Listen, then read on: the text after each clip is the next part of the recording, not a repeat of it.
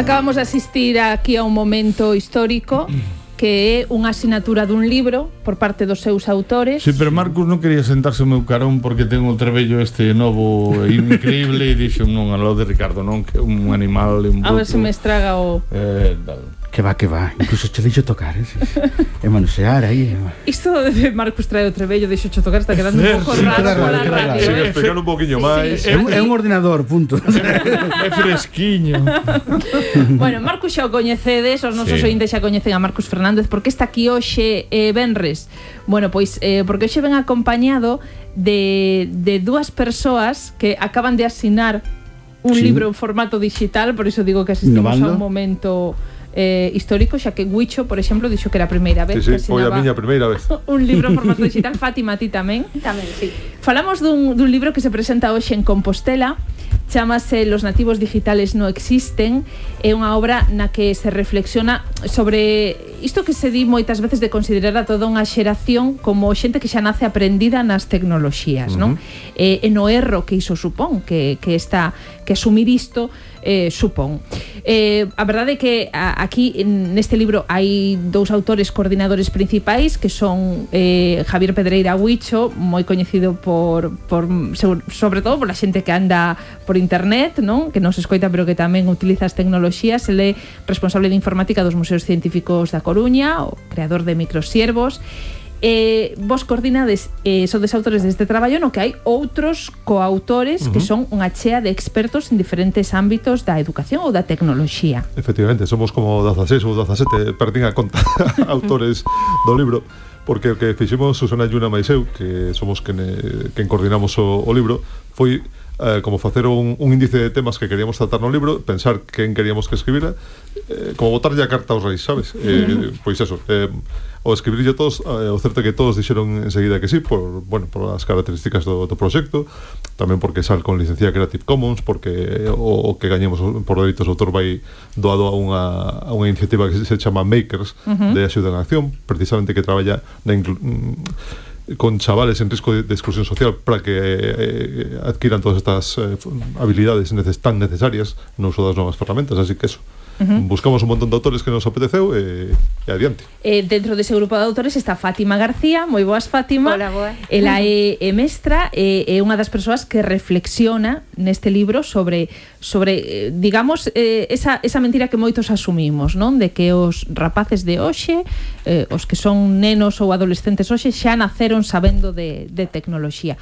Por que mm, xorde este punto de partida, Huicho, para Mm, por que é o suficientemente importante para escribir un libro como este? Pois isto, eh, bueno, eh, algúns levábamos anos escribindo nos nosos blogs o, o, e por aí dicindo que non era certo que os rapaces necesitan tanta formación como que máis, pero o punto de partida do libro foi que Susana Yuna foi dar unha charla eh, hai eh, un ano e pico en un eh, pobo en, en Valencia E ao terminar a charla, mm, unha nai se lle acercou e lle dixo, mira, a miña rapaza, que ten 17 anos, está todo o día enganchada co teléfono móvil e non consigo que, que, que esa parte del. Entón Susana lle preguntou, mira, e a túa filla, que fai co móvil? Que en que uh -huh. redes está? A que se dedica? E lle dixo, esta nai, non sei. Eh, o que pasa é que tampouco me interesa moito. Entón, para Susana ese foi como un shock porque eh, deuse conta de que hai un montón de pais que asumen que os eh, seus fillos saben eh, usar as tecnoloxías porque sí, porque naceron a partir dos 90 do, de, do, do siglo XX e xa está. Entón dixome Susana, por que non facemos unha recopilación, poñemos isto eh, xuntamos eh, nun libro que lle sexa máis facilmente accesible a estos pais mm, analóxicos uh -huh. eh, e, e intentamos sacar o proxecto adiante. E dai saiu de, de, de eso, de que vimos que hai un montón de pais super despistados que que non pensan que, que os seus fillos necesiten formación. E isto é, como di Enrique Adams no, eh, no prólogo unha irresponsabilidade, como se si tes un, un rapaz ou unha rapariga eh, cando ten un ano, dos anos eh, empeza a andar ou deixas a ir só a, a rúa. Claro. Xa máis o faríamos, non? Pois non co uso das, das tecnologías pasa algo así. Claro, claro non entón, hacer. O, o nativo digital non existe, non existe e de feito agora fondaremos en cousas que reflexionades porque o mellor que, que estean todo o día en internet ou nas redes sociais ou onde estean non quere dicir que controlen toda a tecnoloxía porque ás veces teñen moitas carencias os rapaces eh, pero mm, si existen polo que me estás contando Wicho outra figura da que se ten falado moito e ainda que pareza moi dura eh, vou a dicir que son os analfabetos digitais? Sí, ou eh, máis que eso ou, ou a, bre, a fenda digital sí, da a, que tanto a, se fala hai unha fenda, sí. Eh, Falta. Culpable.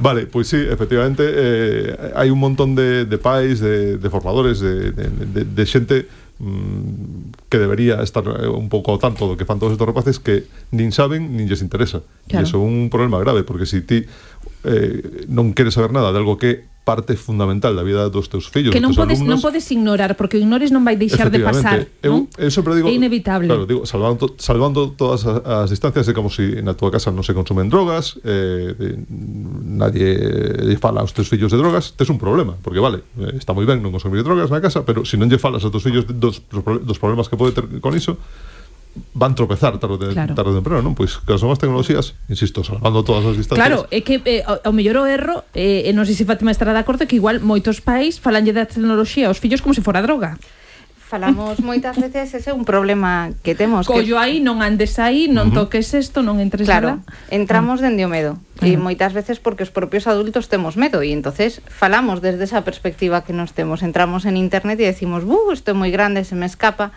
e eh, transmitimos aos nosos fillos, aos, aos nosos alumnos, esa idea de que eh, vamos a encarar todos os riscos e eh, tratar de evitalos. Esa é unha malísima perspectiva porque os rapaces aprenden a ter medo ou a intentar retar, que todavía é peor, é decir, mm, traballar sempre dende o medo non nos axuda a, a educalos. O mellor modo sempre é tratar de encarar aquilo que é bo Uh -huh. e evidentemente decir que pode haber cousas malas, pero sempre traballando o que é bo, o que funciona, porque só hai unha maneira de evitar que un rapaz faga o que non debe en internet e é que este facendo o que debe. Claro. Eh, seguramente entre os pais e nais que nos poidan estar escoitando, pois haberá os típicos que teñen, eu creo que un dos clásicos conflitos é a que idade deben ter o teléfono móvil os, os rapaces, porque eles pensan que, que o mellor di, bueno, pois mentres non o teñan non hai perigo, e logo no momento no que o teñen, pois pasan da nada o todo, quizáis, porque teñen o móvil e tampouco hai moito control do que fan co, co móvil. Bueno, a resposta, eh, aproveitando que son galego, é depende. depende, obviamente, de cada rapaz, de cada rapaza, de, as, das circunstancias, de, das circunstancias familiares, e non hai ninguén mellor que os seus pais para decidir cando eh, esa idade. Cada vez... Eh, eh, parece que se concentra máis na comunión agora. Nos meus tempos reclamache unha máquina de escribir, parece ser que agora é o móvil. ¿no? Pero non lembro outro día con quen falábamos disto e, e dicíamos o da comunión Pois mira, falábamolo coas rapazas con Carmen que está de prácticas, bueno, unha rapaza que ten agora 20 anos, pero que xa na súa adolescencia lle colleu o tema dos móviles, igual non uh -huh. con internet, pero con móvil, e preguntamos, lle regalaron xo na comunión? E dixo, non, na comunión, non, como dicindo, era moi cedo agora en eh, xa sí, sí, eh, é, un é, o regalo de moda Eh, é, o, o regalo estrela é, e non calquera móvil é dicir un, un móvil que pode ir sí, sí, é que Fátima un móvil que non teña todo non o queren eu, claro, non eu ainda conservo un móvil con antena. Perdón pues no, pero, o, eBay, eh. o, que, o que podía haber ao principio dos móviles que cando os pais lles quedaba obsoleto un móvil daban yo os fillos. Intentaba ahora. É o revés. Claro, é o revés. O que lle queda obsoleto os fillos vai pros pais Exactamente. Sí. De todos os xeitos, eh, eh, eh, eso, non é unha resposta única e clara, pero en calquera caso, inda que ti te empeñes en que teu fillo eh, non teña un móvil eh, ata que sea maior de idade, non sirve de nada, porque os seus amigos o teñen, eh, poden ir a un ciber e conectarse, todo iso, é eh, como mirar eh, cara outro lado, é millor mm que aceptes que vayan que van a, a facer uso destes cacharros e eh, unha vez que decides que, que o poden usar, non necesariamente o seu, sino en casa un, algún cacharro que, que, que poden utilizar de cando en vez e cosas así, estar sempre ao seu lado, de, que, de, de cando máis cativos, mellor.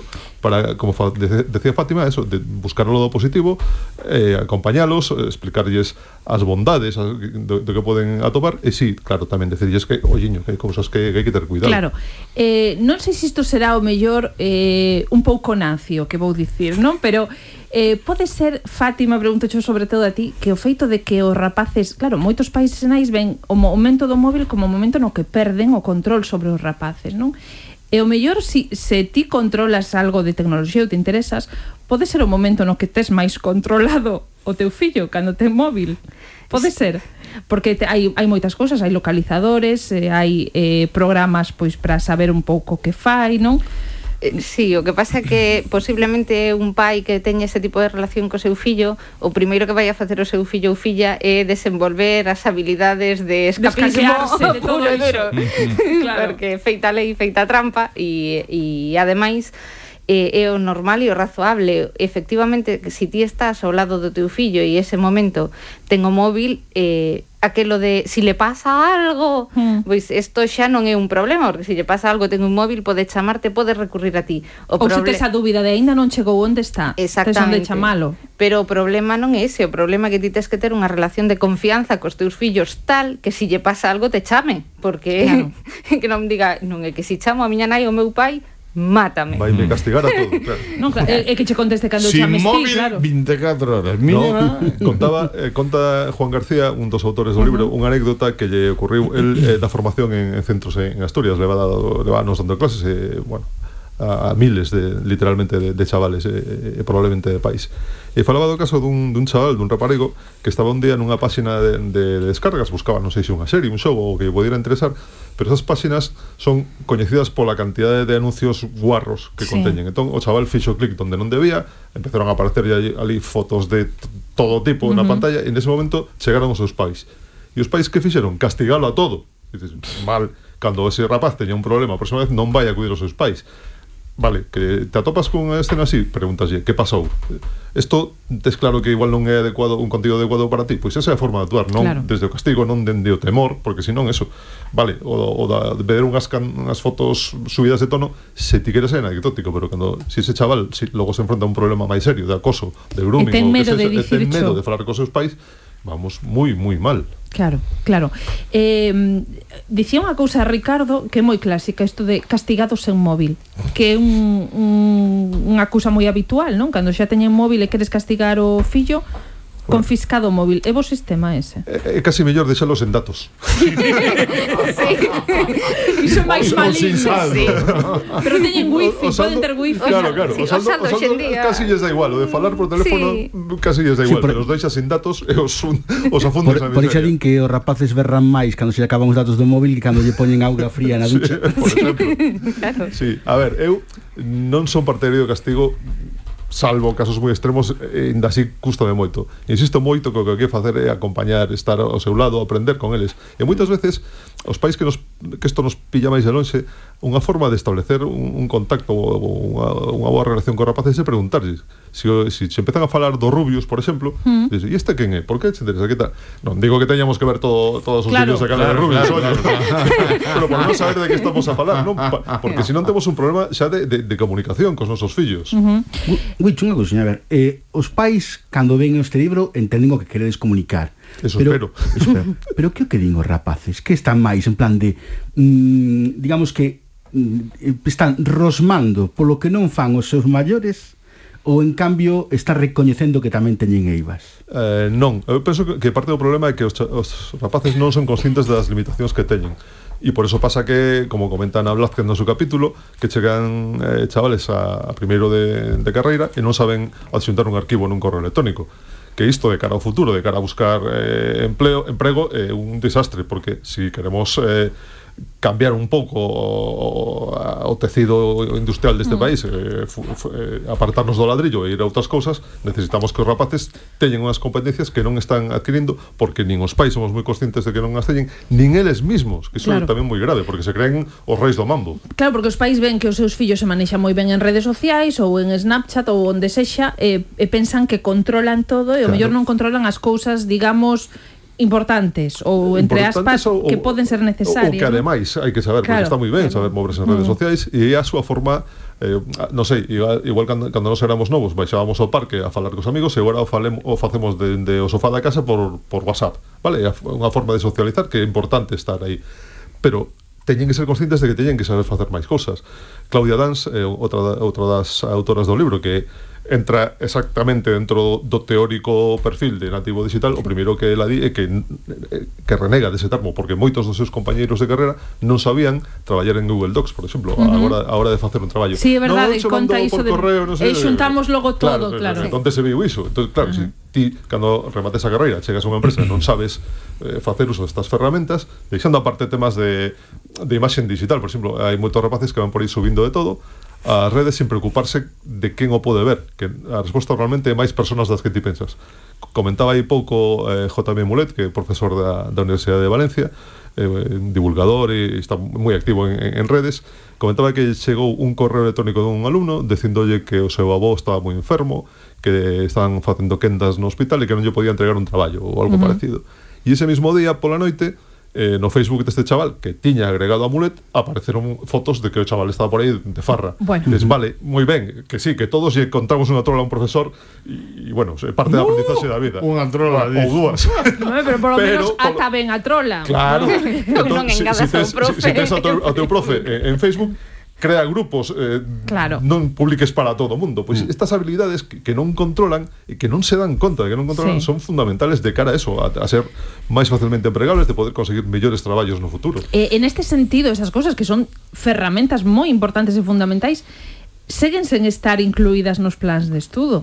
Quero dicir, estas cousas non se aprenden no, nos colexios, por exemplo. Teóricamente sí que están e, e hai que traballalas, hai que traballalas dende non dende asignaturas concretas, con, eh, cando pensamos en plan de estudios normalmente confundimos plan de estudios e asignatura sí. ou materia, e o que non ten materia parece como que non existe. Claro, entonces desde esa perspectiva da educación para a paz, por exemplo, se si non ten unha materia concreta ou eh, moitísimas outras cousas que teñen que ver con coñecementos transversais. Este tipo de cousas ten que ver con ser un cidadán activo, autónomo, responsable, no mundo actual e o mundo actual é un mundo 1.0 no que falamos de cara a cara, pero tamén é un mundo digital no que nos relacionamos con xente de moitos de moitos tipos diferentes.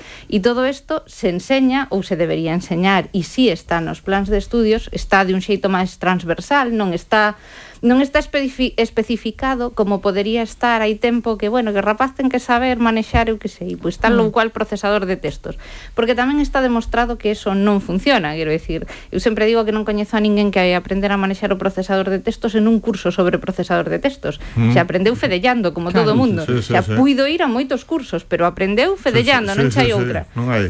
Fátima como calquera cousa sí, prácticamente sí, na vida, non? Pero eh, sí. non parece como que eh, agora mesmo que se tende a regular, por exemplo, que o uso dos móviles nas aulas coa prohibición na norma esta de convivencia que sí. teñen que, que prácticamente está prohibido utilizar dentro dos, do, dos colexios eh, o teléfono, en vez de intentar buscarlle un proveito dentro das asignaturas de, pois pues, por exemplo, sí. o de poder gravar un documental cos, cos cámaras dos móviles. Claro, pero hai que ler ben a norma, porque a norma que di é que está prohibido eh, utilizar os móviles salvo que sexa con fins pedagóxicos.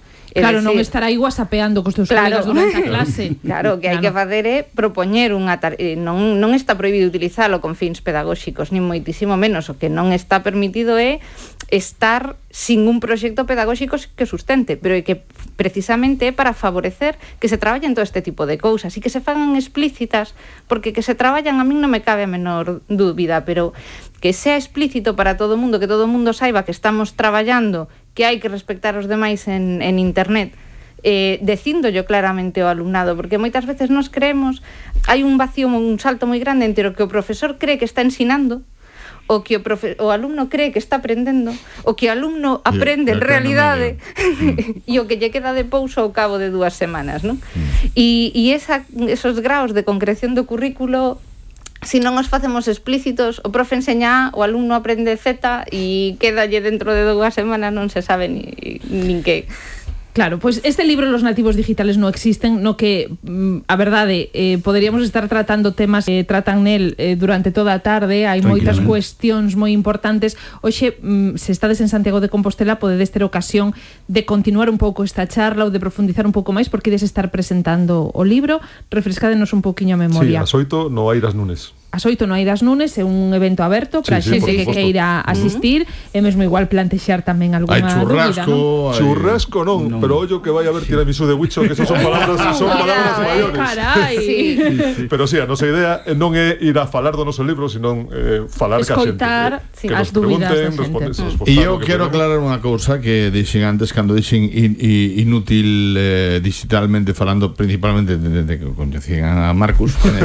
eh, eh primeiro porque non teño fillos eh, eh, eh, espero telos eh, pero pero sí que eh, moi importante saber todo o que está dicindo é moi interesante e imagino que a xente que, que este escoitando e que teñan fillos pois pues agora terá un Que merque o libro, diferente. los nativos digitales no existen. O que vai a tomar o churrasco. Bueno, tiramisú, Mira, tiramisú. tiramisú, tiramisú de tiramisú. Huicho. Grazas, Guicho, grazas, Fátima. Grazas a vos. Ata logo.